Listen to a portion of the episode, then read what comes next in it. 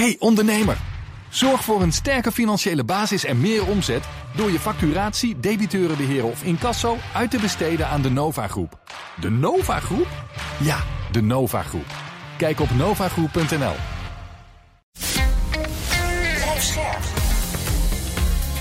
BNR Nieuwsradio. Boekenstein en de Wijk. Hugo Reitsma. Deutschland steht auf gegen rechts. Ob in Bremen, in Köln oder hier in München, wieder strömen Zehntausende auf die Straßen. Ich finde es halt einfach eine absolute Schande, was hier alles Verfassungsfeindliches passiert. Wir brauchen keine Menschenfeinde, wie sie in der AfD versammelt sind. Onrust om extreem rechts in Duitsland, maar de brandmauer brokkelt af. Daarmee worstelt het belangrijkste land van Europa met dezelfde kwestie als Nederland, België, Frankrijk, Oostenrijk, Italië, Zweden, Finland. Wat betekent dat voor Europa nu dat juist kracht en eenheid nodig heeft, bedreigd door Rusland en misschien straks wel verlaten door de VS? We bespreken het bij Boekenstein en de Wijk op zoek naar de nieuwe wereldorde met de gast Ton Nijhuis, directeur van het Duitsland Instituut. Goedemiddag. Ton, uh, grote demonstraties dus in Duitsland tegen de partij Alternatieven voor Duitsland. Het was betrapt op een bijeenkomst over deportatie van minderheden. Even voor het perspectief. Dat AFD had vroeger ook nog wel een beetje gematigde lui. Maar volgens mij is dat inmiddels anders. Niet waar?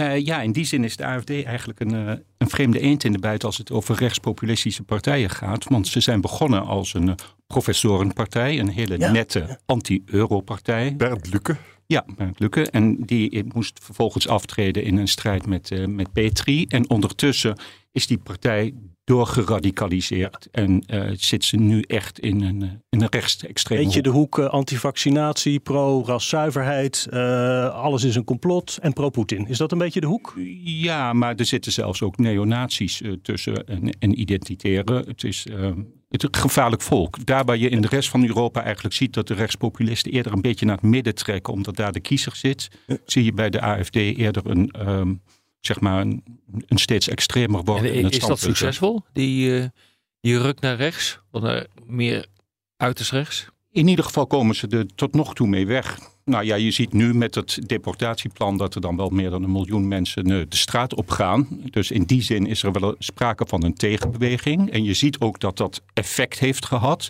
Want in de peilingen gaat de AFD iets omlaag. 2% maar. Ja, maar toch. Uh, het gebeurt, maar tegelijkertijd krijgen ze wel meer leden. Dus ja. het, het, het, werkt aan een polarisatie. Maar, ja, maar toch, ik noemde net al die landen. Nederland kan je natuurlijk ook denken aan partijen als Forum voor Democratie of zo. Maar dit is dus een partij waar je zegt die heeft neonazische uh, elementen en is zo groot. Is het in Duitsland dus eigenlijk op dit moment erger dan in vergelijkbare landen? In, in, in Nederland of België of Frankrijk? Ja, kijk, het, het probleem is, uh, in Duitsland staan staan partijen in de grondwet. En die moeten ook democratisch georganiseerd zijn. En dat betekent dat je niet helemaal controle hebt over de vraag van wie de lid kan worden. Het kan niet zo zijn zoals bijvoorbeeld met, met Bilders dat er maar één man uh, lid is van de partij. Ja. En de neonazies gebruiken de AFD om als het ware een forum te krijgen. Mm -hmm. En het, lukt maar heel, het is maar heel gedeeltelijk steeds gelukt om die buiten de deur te houden. En je ziet. Maar dan zou je dus een effect in de peilingen verwachten. Dat dus veel Duitsers denken: ja, ja. daar kunnen we onze stem niet aan geven. Ja, maar de meesten denken toch. Of, de, nou, de meesten stemmen natuurlijk niet op de AFD. Maar uh, velen denken toch, en, en, en, zeker in het oosten, van. Nou, het is in ieder geval een partij die wat anders wil. Het is, uh, ja. het is een anti-establishment partij. Uh, wij hebben ook helemaal niks met de SPD. En die neonazies die hebben ze ook een paar keer proberen te bieden. De Hoge Rechtshof, volgens mij is dat uh, laatstelijk nog geprobeerd in 2017. Nou ja, kijk, het, het, verbieden van, van, van neonazies van de NPD is heel, heel erg ingewikkeld. Ja. Uh, het is van de week wel gelukt ja. bij de Nachtvolkenpartij van de NPD, ja. Heimat, ja. om die geen staatsfinanciering te geven.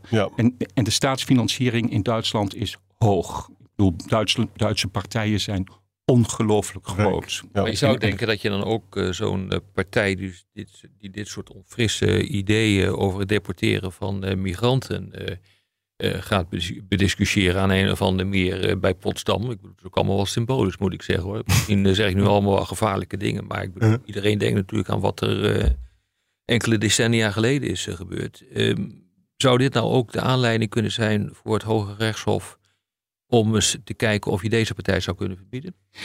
Um, ja, nou, dat is, dat is ingewikkeld. Kijk, als je het. Uh, aan de AFD-politici vraagt, die zeggen: nee, in ons verkiezingsprogramma staat dat iedereen met een Duits paspoort gewoon Duitser is. En Mhm. eh, daar hebben we het dus niet over. Dat er een paar mensen zijn geweest die in een ruimte, daar in de buurt van Potsdam aan een meertje, eh, wat met elkaar bedisseld hebben of gesproken hebben, daar hebben wij als partij niks mee te maken. Nou, dat is een, eh, natuurlijk altijd een ingewikkeld spel, wat, wat, wat wel meer rechtspopulistische partijen doen. Als het aan de ene kant extreme uitspraken, word je daarop aangesproken, dan, dan doe je net of je daar niks mee te maken hebt. Het interessante van de uitspraak van het Bundesverfassungsgericht is wel dat ze zeggen van, nou, je moet niet alleen kijken naar het eh, partijprogramma en naar verkiezingsprogramma's, maar ook wat partijleiders zeggen en lokale afdelingen zeggen. Exact. En dat moet meegenomen worden in de beoordeling van de partij. Dus in die zin is er wel een hobbel nu weggenomen om iets tegen de AFD te doen. Maar de partij is te groot om te verbieden op dit moment. Ja, en dit, ik hoorde bij veel van die geluiden van demonstraties dat mensen daar zich zorgen maken om natuurlijk dit soort hele extreme ideeën over deportatie van miljoenen mensen, ook gewoon Duitse staatsburgers. En anderzijds dat die partij dus zo groot is dat zij, zeggen ze, vrezen dat de brandmauer niet in stand kan blijven, wat we hier het cordon sanitair noemen. Is dat daadwerkelijk een risico, zou je zeggen?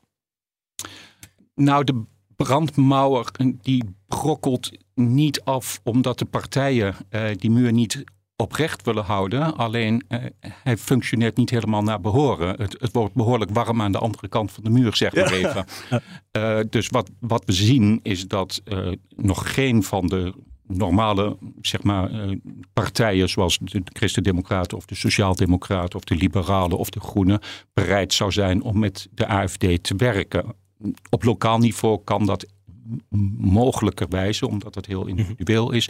Maar die bereidheid is er niet. Alleen daar waar in eerste instantie dat cordon sanitair in Duitsland ertoe leidde dat de AFD ook relatief klein bleek in vergelijking tot andere Europese landen, Ja. dan zien we nou toch dat ze in de peilingen het zo tussen de 22 en 25% Ja, en procent dat zijn. maakt het dus voor het constitutionele hof te groot om eh, eh, te verbieden. Wat natuurlijk een rare redenering is. Ik bedoel, als iets gewoon ongrondwettelijk is, dan hoor je het eh, te verbieden. Hmm. Eh, het grappige is het argument van 2017 wat ik noemde.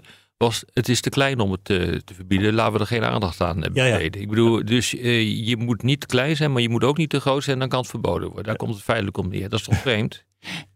Ja, nou, het, ligt nog niet bij het constitutionele hof, dus we, we weten ook niet wat ze zullen, wat ze zullen gaan zeggen.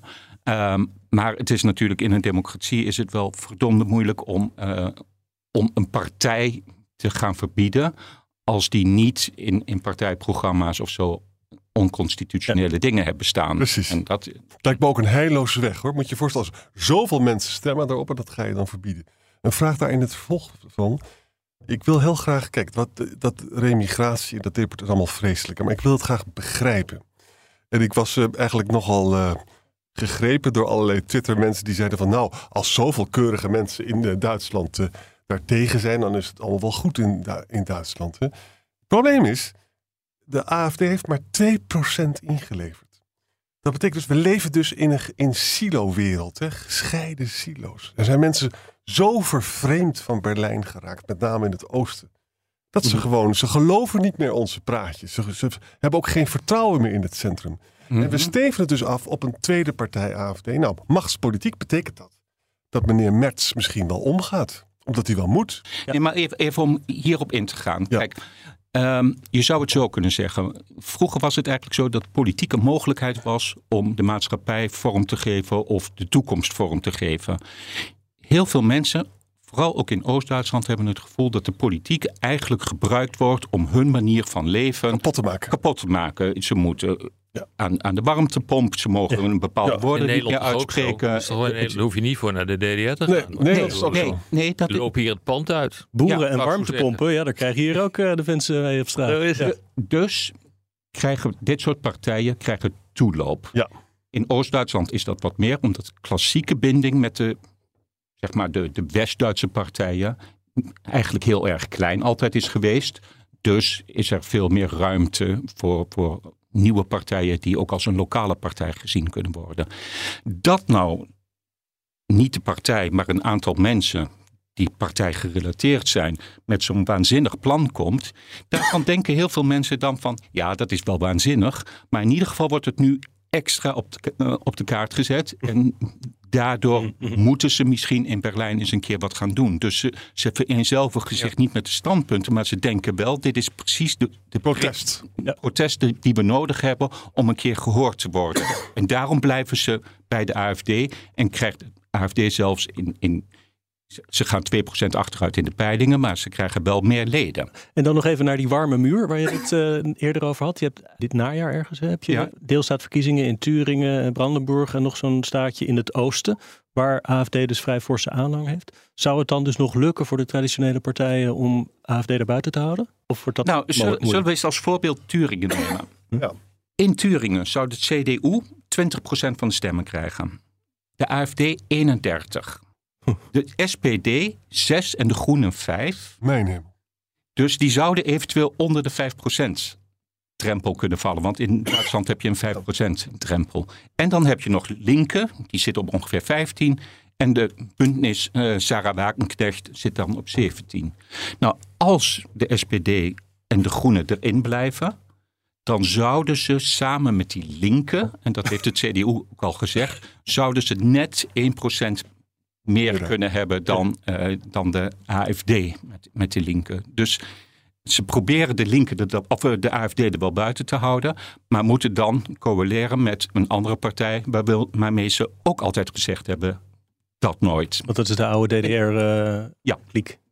Oké, ehm, eventjes, ik vergeet het anders, het, het jingletje. We moeten altijd hier even BNR. Nieuwsradio. En dan zeg ik nog even. en de Wijk. Op zoek naar de nieuwe wereldorde. Dit is Boekenstein en de Wijk. En dat programma is natuurlijk niet zonder Arjan Boekenstein en de Wijk. Mijn naam is Hugo en we praten met Ton Nijhuis, hoogleraar aan de Universiteit van Amsterdam en directeur van het Duitsland Instituut over de omgang met radicaal rechts in Duitsland en Europa. Want daar wilde ik ook eventjes... Kijk, je, je hebt natuurlijk Turingen. Nou, dan volgend jaar Bondsdagverkiezingen. Volgend jaar ook Europese parlementsverkiezingen. En we zitten natuurlijk met al die lidstaten met een beetje vergelijkbare problematiek. Duitsland natuurlijk wel zo'n beetje het belangrijkste land van Europa. Kan je dit dus ook straks van Turingen naar de Bondsdag en verder zien? Het, eh, het proces dat je nu beschrijft? Nou ja, wat, wat, wat we zullen zien is eh, een, een ruk naar rechts. In Duitsland, in, in andere landen hebben we dat al gezien. En, en zeker ook bij de Europese verkiezingen. En dat betekent natuurlijk andere stemverhoudingen in, in nationale en Europese parlementen. En dat, eh, dat zal ook effect hebben op het, op het beleid. Ik denk niet dat het in Europa zover zal gaan dat, dat, dat rechtspopulisten de dienst zullen gaan uitmaken.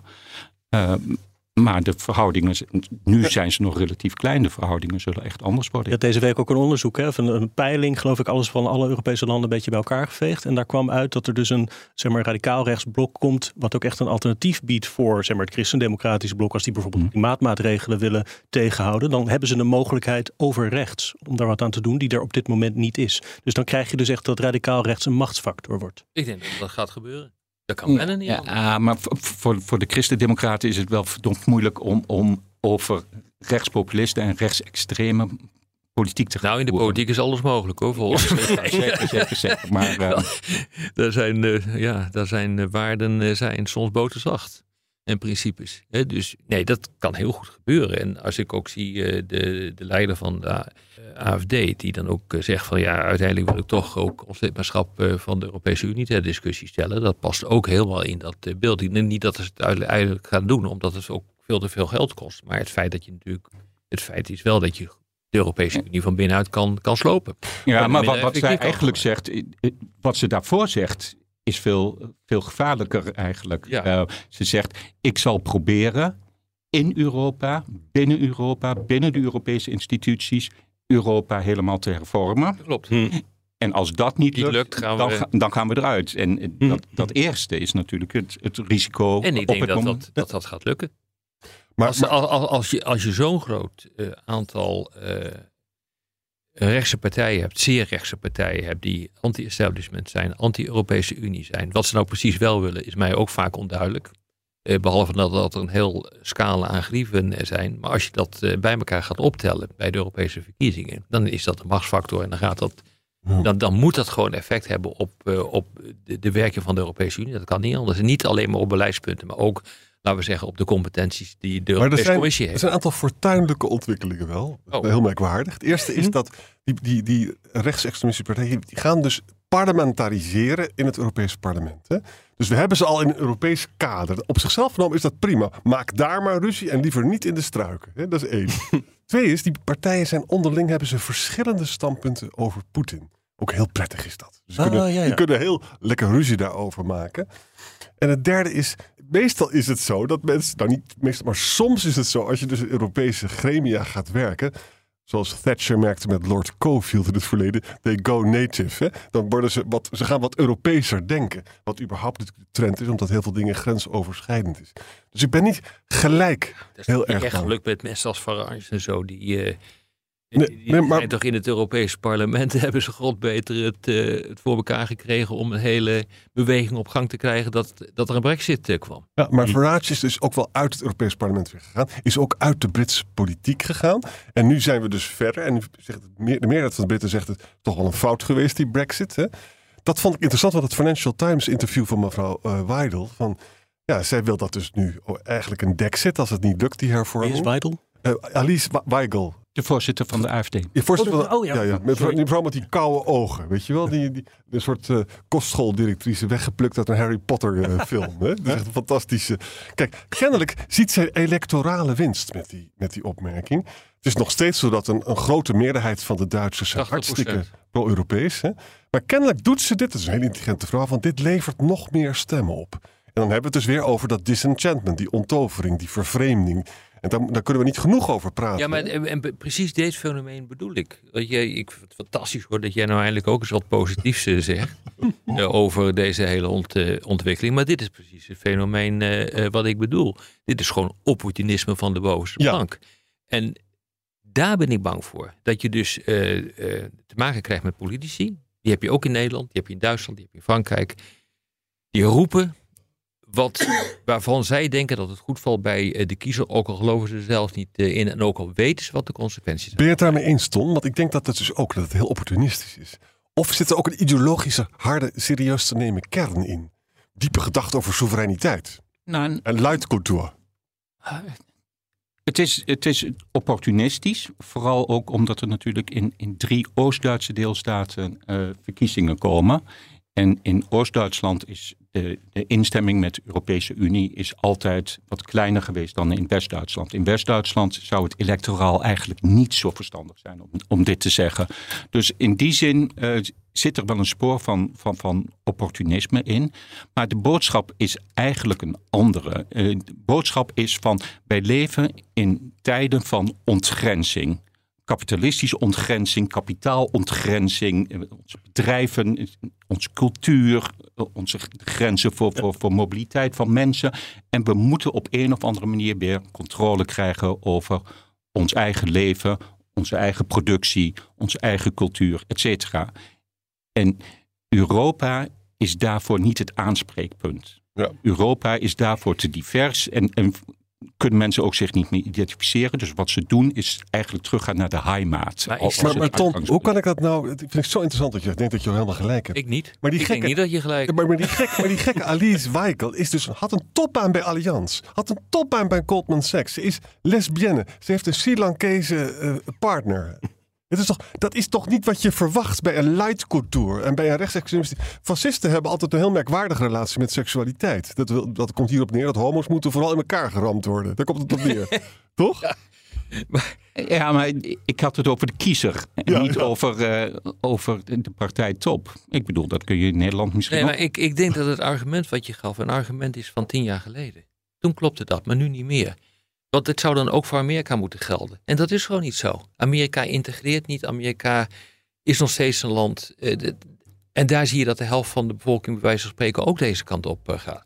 Nee, maar het Eh, gaat er niet om of het werkt of niet. Nee, nee, nee, maar, nee, nee, maar je gaf een verklaring hierover. Ja. Over een geglobaliseerde wereld.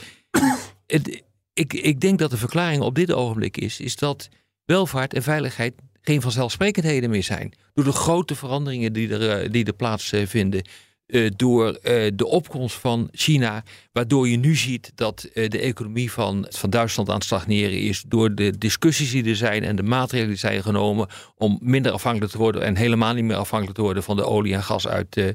Uit, uit Rusland, waardoor je een prijsexplosie krijgt. Het zijn dat soort dingen, denk ik, die een enorme versnelling hebben gegeven aan sentimenten die latent aanwezig waren binnen de maatschappij. Maar die hele globalisering, dat is een discussie van tien jaar geleden. Nee, maar als het gaat over, over veiligheid en welvaart, dan zou je dus denken dat mensen dan zeggen van, oh, er zijn veiligheidsrisico's, we moeten oppassen voor uh, Rusland en we moeten eigenlijk bewapenen. Je, in Oost-Duitsland zie je precies het omgekeerde. Exact. Dat, dat, zijn eerder Rusland-vrienden.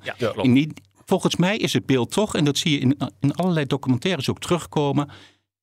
Als je naar die dorpen gaat en die kleine stadjes, die zeggen: Maar we hebben het eigenlijk hartstikke goed hier. Ja. We hebben een leuke gemeenschap, we hebben een goede werkgelegenheid, we hebben welvaart, we leven vredig met elkaar. Hm.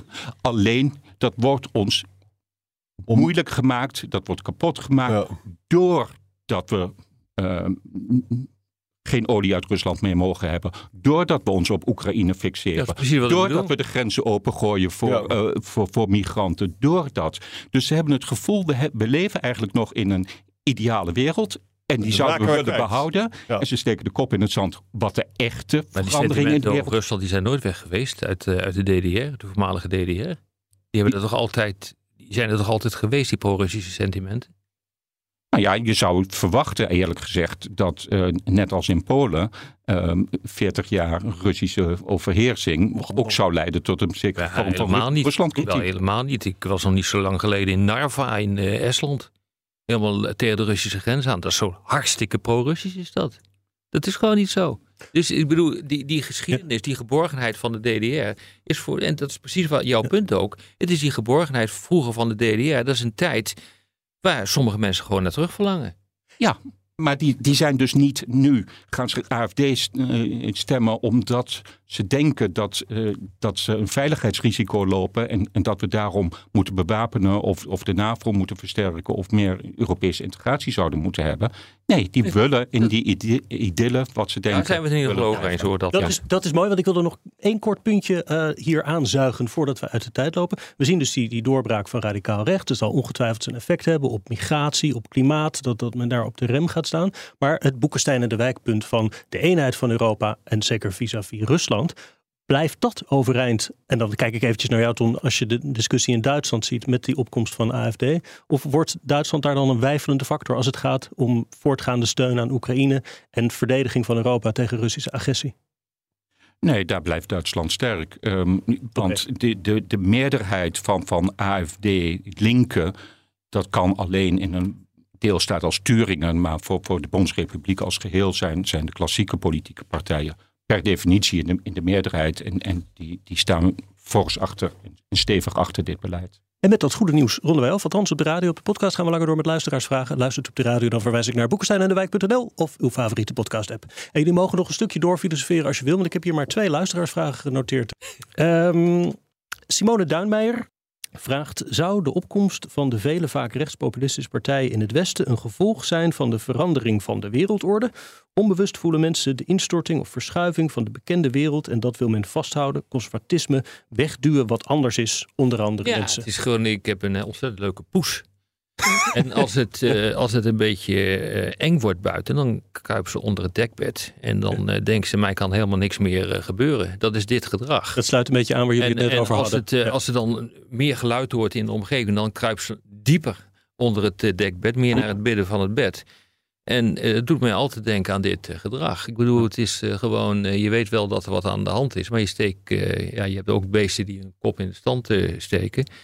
Die heb je ook. Maar het is, het is dit gedrag. En uh, het is logisch. Het is echt volstrekt normaal uh, dat je dit gedrag krijgt als de wereldorde heel, in heel tem groot tempo verandert. En wat ik het meest fascinerend vind, is dat mensen instinctief aanvoelen dat dit het geval is. En ze kunnen het niet onder woorden brengen. Ja, sterker nog, hier heeft de regering eigenlijk een belangrijke taak. Ja. En wat je bij de regering Scholz ziet, is dat ze enerzijds roepen het moet helemaal anders. Mm, Vanwege klimaat, vanwege veiligheid, Zeitenwende, et cetera. Vervolgens gaan ze enorm ruzie met elkaar zitten maken over hoe dat dan zou moeten. Ja. Waardoor er geen duidelijkheid is.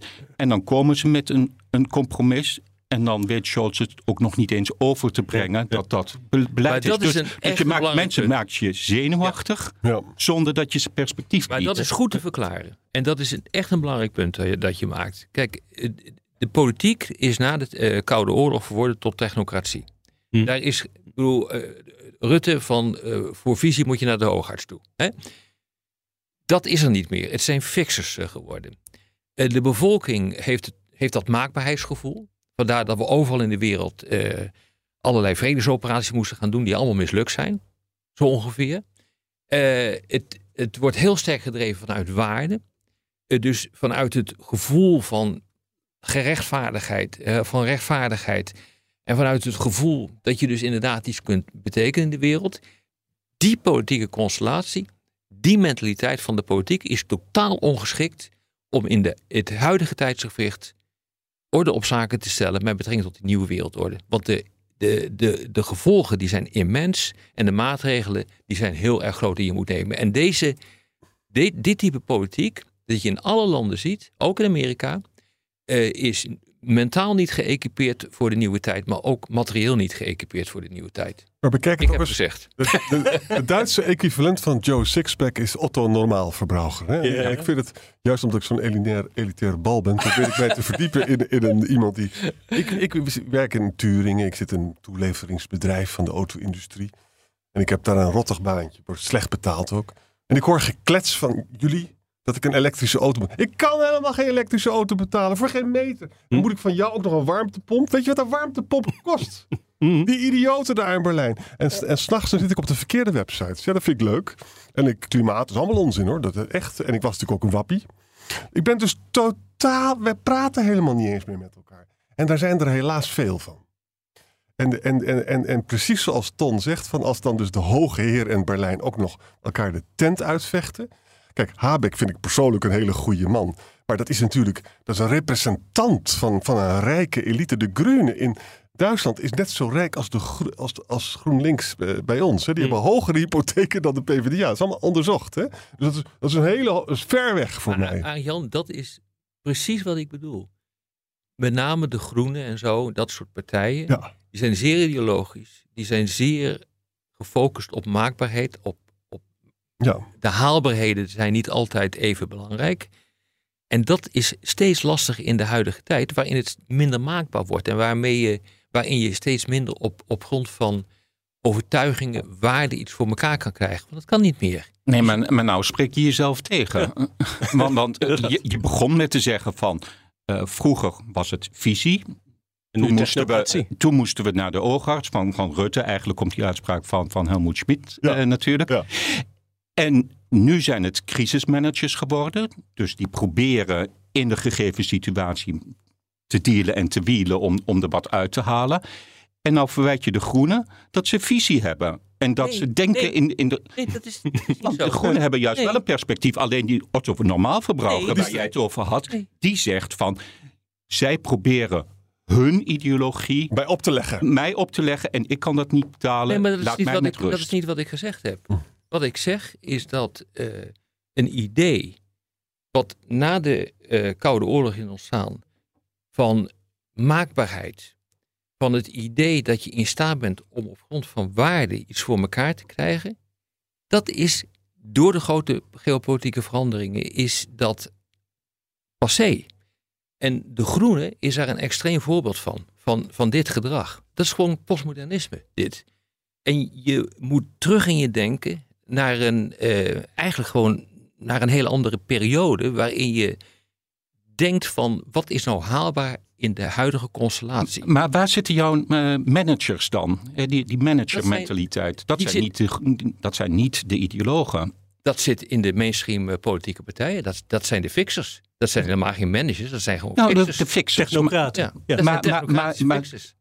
Zijn die wel geëquipeerd dan? Nee, volstrekt niet. Die zijn ook niet geëquipeerd. Nee. Dus je, je mag niet geen ideeën hebben en je mag niet wel ideeën hebben. Ideologische ideeën, ideologische ideeën op dit ogenblik is het verlengstuk daarvan. En dat werkt. Maar een niet. visie Maar- is toch per definitie ideologisch? Je kan geen Maar technocratische niet- visie Maar hebben. een visie past alleen in een bepaald tijdsgevricht. Maar Daar ik- zit het hele probleem in. En dat, in dat hele tijdsgevricht, maar- dat is nu aan het veranderen. Dus Hm. wat in een nieuw tijdsgevricht heb je nieuwe leiders nodig. Dat Die- is die mijn, ergens dat is een mijn stip op de horizon En die zijn er gewoon niet. Ja, maar ik heb, ik heb volgens mij een verheldering. Sam, Samson, Diederik Samson kan je zien als een rode ingenieur. Hè? Dat is zo'n oude term van vroeger. Dat is een rationele man, knappe man. En die heeft echt visie. En die wil dus, hup, we moeten groener worden. Ik denk dat hij gelijk heeft. Wat, wat, waar Samson niet toe in staat, is ook veel te veel van hem gevraagd. Maar ook eh, de hele groene beweging niet. Om daadwerkelijk draagvlak voor die ideeën te vinden bij gewone mensen. En dat is ook heel erg moeilijk. Maar daar mislukt het totaal. In alle Europese landen. Ook in Amerika trouwens. Nou, omdat dat misschien gewoon ook niet kan. Ja, Ik bedoel, ja, weet je, het is vrij simpel. Je, je hebt net het eh, voorbeeld gegeven van je elektrische auto die, de, die Ja. niet te kopen is. ja, Ja, ik bedoel, bijna iedereen die koopt een tweedehands auto. ja. Eh, voordat je inderdaad in staat bent om een tweedehands elektrische auto te kopen, in grote getallen, ben je gewoon jaren verder. Dus ik bedoel, ik, ik snap dit wel. En dit is maar één van de problemen. Hè? Dus die, eh, die energietransitie is maar één van de problemen. Maar daaroverheen komt De veiligheidsvraagstuk. het, nee, het, het het vraagstuk van de hoge energieprijzen door de energietransitie en door het, de verminderde import en het wegvallen uiteindelijk van de import vanuit eh, Rusland. Wat denk je van de deindustrialisatie in eh, Duitsland? Die met, eh, met verstokken. We hebben het nou toch eh, vandaag over Duitsland. Maar die deindustrialisatie is werkelijk een geweldig probleem. Geweldig. Dus hoe moet je dit dan betalen? En hoe moet je dan de onrust van mensen afkopen? Leg mij dat eens uit. Niemand die het kan. Hè? Nee. Je hebt ongehoord charismatische leiders nodig, maar die hebben we helemaal niet. Nee, dat, heb je, dat is wat je nodig hebt. We hebben Scholz. En dus de visie is niet, ik ga een nieuwe visie maken die past in dit tijds, die van een vo- vorig tijdsgevricht. Dat, ga je, dat gaat het niet worden.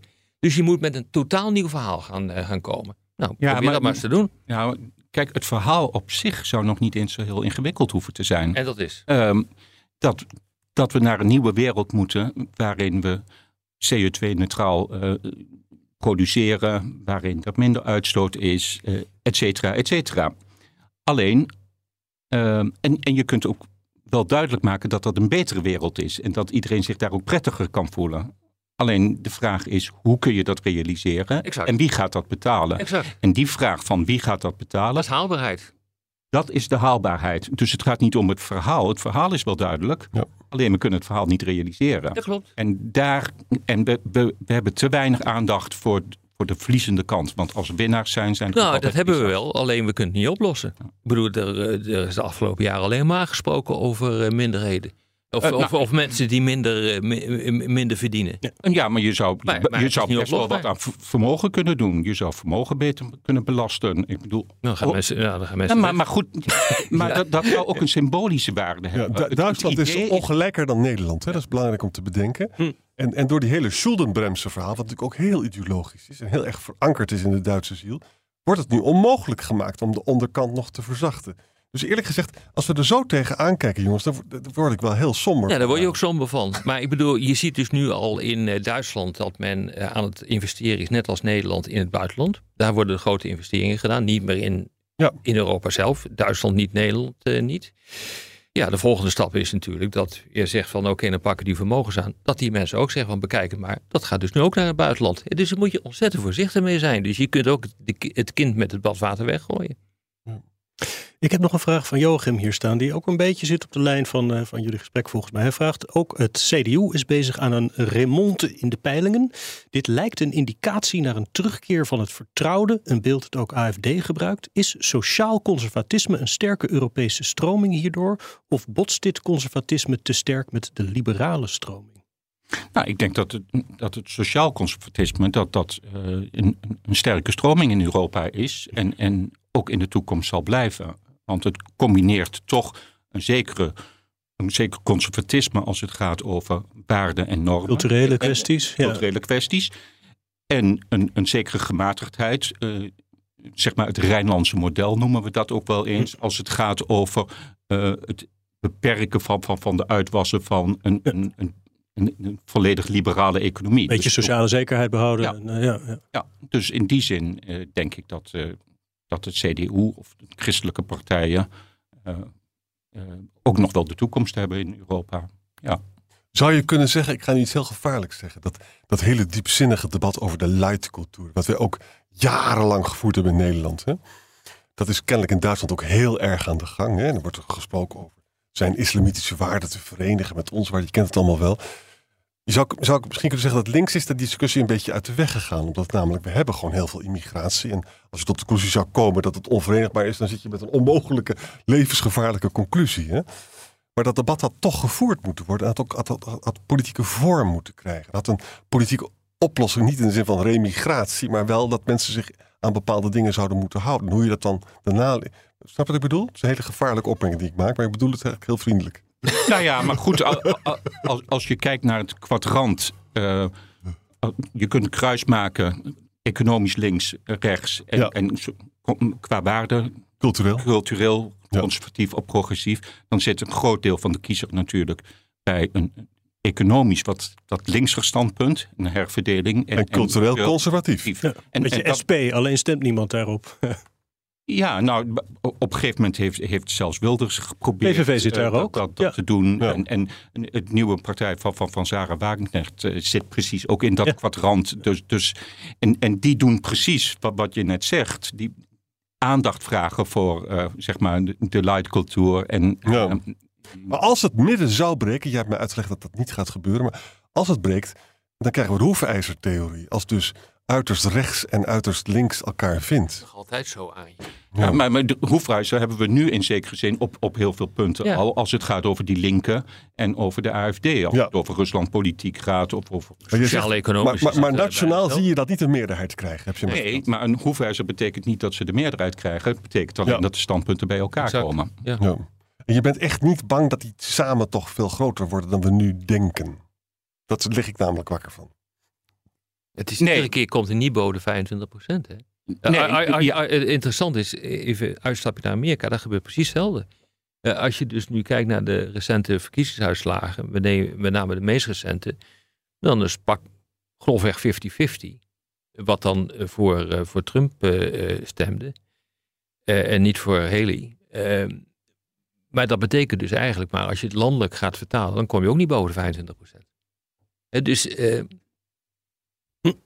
ik, en, en dat is redelijk conform met wat je overal in de wereld ziet. Dit soort extremere eh, Maar landelijk heeft komen, Alice- komen niet vaak heeft boven, 21, boven hè? 25%. Toch? Ja. Ja, in de peilingen zo zeg maar 22 procent En, in de Waken- en peilingen. Wagenknecht? Wagenknecht, ja, dat is net begonnen. Eh, landelijk zit zij op zo'n 3, 4 procent op Ja. het moment. Maar dat, dat Eh, zie je, dat is ongeveer hetzelfde. Ja. Ja. Maar dat kan groeien. ja, en dan krijgen we een communicerende Jawel. waarschijnlijk. Het, het, het kan wel groeien, maar een, een, een meerderheid zullen de extreme partijen eh, niet krijgen. Nee, en dat- dat denk dat- ik ook niet. Dat hangt dus van het, eh, eh, het je verkiezingssysteem af. Als het de winner takes all, dan kan het wel gebeuren. Dan kan het dat is. Amerika. Ja, Ja. ja. En dat kan ook gebeuren in Frankrijk. Het districtenstelsel. dat en heb je in Nederland Duitsland. kan dat nauwelijks gebeuren en in Duitsland ook niet. Nou ja, je krijgt wel in Frankrijk als het om presidentsverkiezingen gaat, als het uiteindelijk eh Nee, dat is wat ik bedoel. versus, ja. dan krijg je natuurlijk nog wel Ja. dat, mensen zich dan ach- niet achter Le Pen gaan. Nee, nee, dat klopt. Maar daar kan, in, in principe is mogelijk daar. Maar Lang leven het proportionele steeds- stelsel. Dan Lang steeds het leven. parlement tegenover je. Maar wat mij opvalt, ondanks al die verschillen, dan misschien verzin ik dit hoor, moeten jullie het maar zeggen, maar dat tot en met boeren en warmtepompen, dat de politieke discussies in Frankrijk, in Duitsland, in Nederland en nog een aantal landen zo ontzettend op elkaar is gaan lijken. Is dat een soort ontstaan van een Europese politieke ruimte waarin je Hij eigenlijk lijkt ook dezelfde in Amerika problemen- op die Ja, in Europa. Maar dat is toch meer dan 10, 20 jaar geleden? Zeker, Dat maar het- dat heeft te maken met de grote veranderingen die er in de wereld Ja. eh, eh, plaatsvinden. En ik Op heb een ook het hele gevoel- hoop gebieden. Dat de Duitse boeren ook gewoon gekeken hebben naar de Nederlandse boeren. Hoe succesvol dat kan zijn. Je pakt gewoon een trekker. daar, daar hangen ze plaatsnaambordjes andersom in plaats van de vlag. In Ja, Frankrijk, ja. in Frankrijk doen we dat. Oh, dat was Frankrijk. Bij ons hangt het, eh, straatnaam, eh, het, eh, het plaatsnaambordje ook omgekeerd. In Duitsland ook. Ja. Ja, nee, maar ze kijken, iedereen kijkt naar Nederland in, in dit geval. Zowel de boeren, maar ook de mensen die eh, nou met meer dan een miljoen de straat zijn opgegaan tegen het eh, rechtsextremisme. Want ze zeiden, kijk maar eens wat er in Nederland kan gebeuren. Als dit bij ons ook kan gebeuren, dan moeten we nu de straat op Hollandse gaan. toestanden Ja. komen. Ja. Is er al een Pieter Omtzigt opgestaan in Duitsland die de AFD vraagt om een handtekening te zetten onder de grondwet? Nee, maar je hebt in Duitsland wel een constitutioneel hof. eh, dat, eh, dat natuurlijk heel goed dat, doet. dat Pieter Omtzigt wil. Nou, eh, we zijn rond. Uh, dit was weer Boekenstein en de Wijk. Namens Arend en Boekenstein en Rob de Wijk zeg ik dank voor het luisteren. Speciale dank aan Ton Nijhuis en fijn weekend. Dankjewel. Hey ondernemer, zorg voor een sterke financiële basis en meer omzet door je facturatie, debiteurenbeheer of incasso uit te besteden aan de Nova Groep. De Nova Groep? Ja, de Nova Groep. Kijk op novagroep.nl.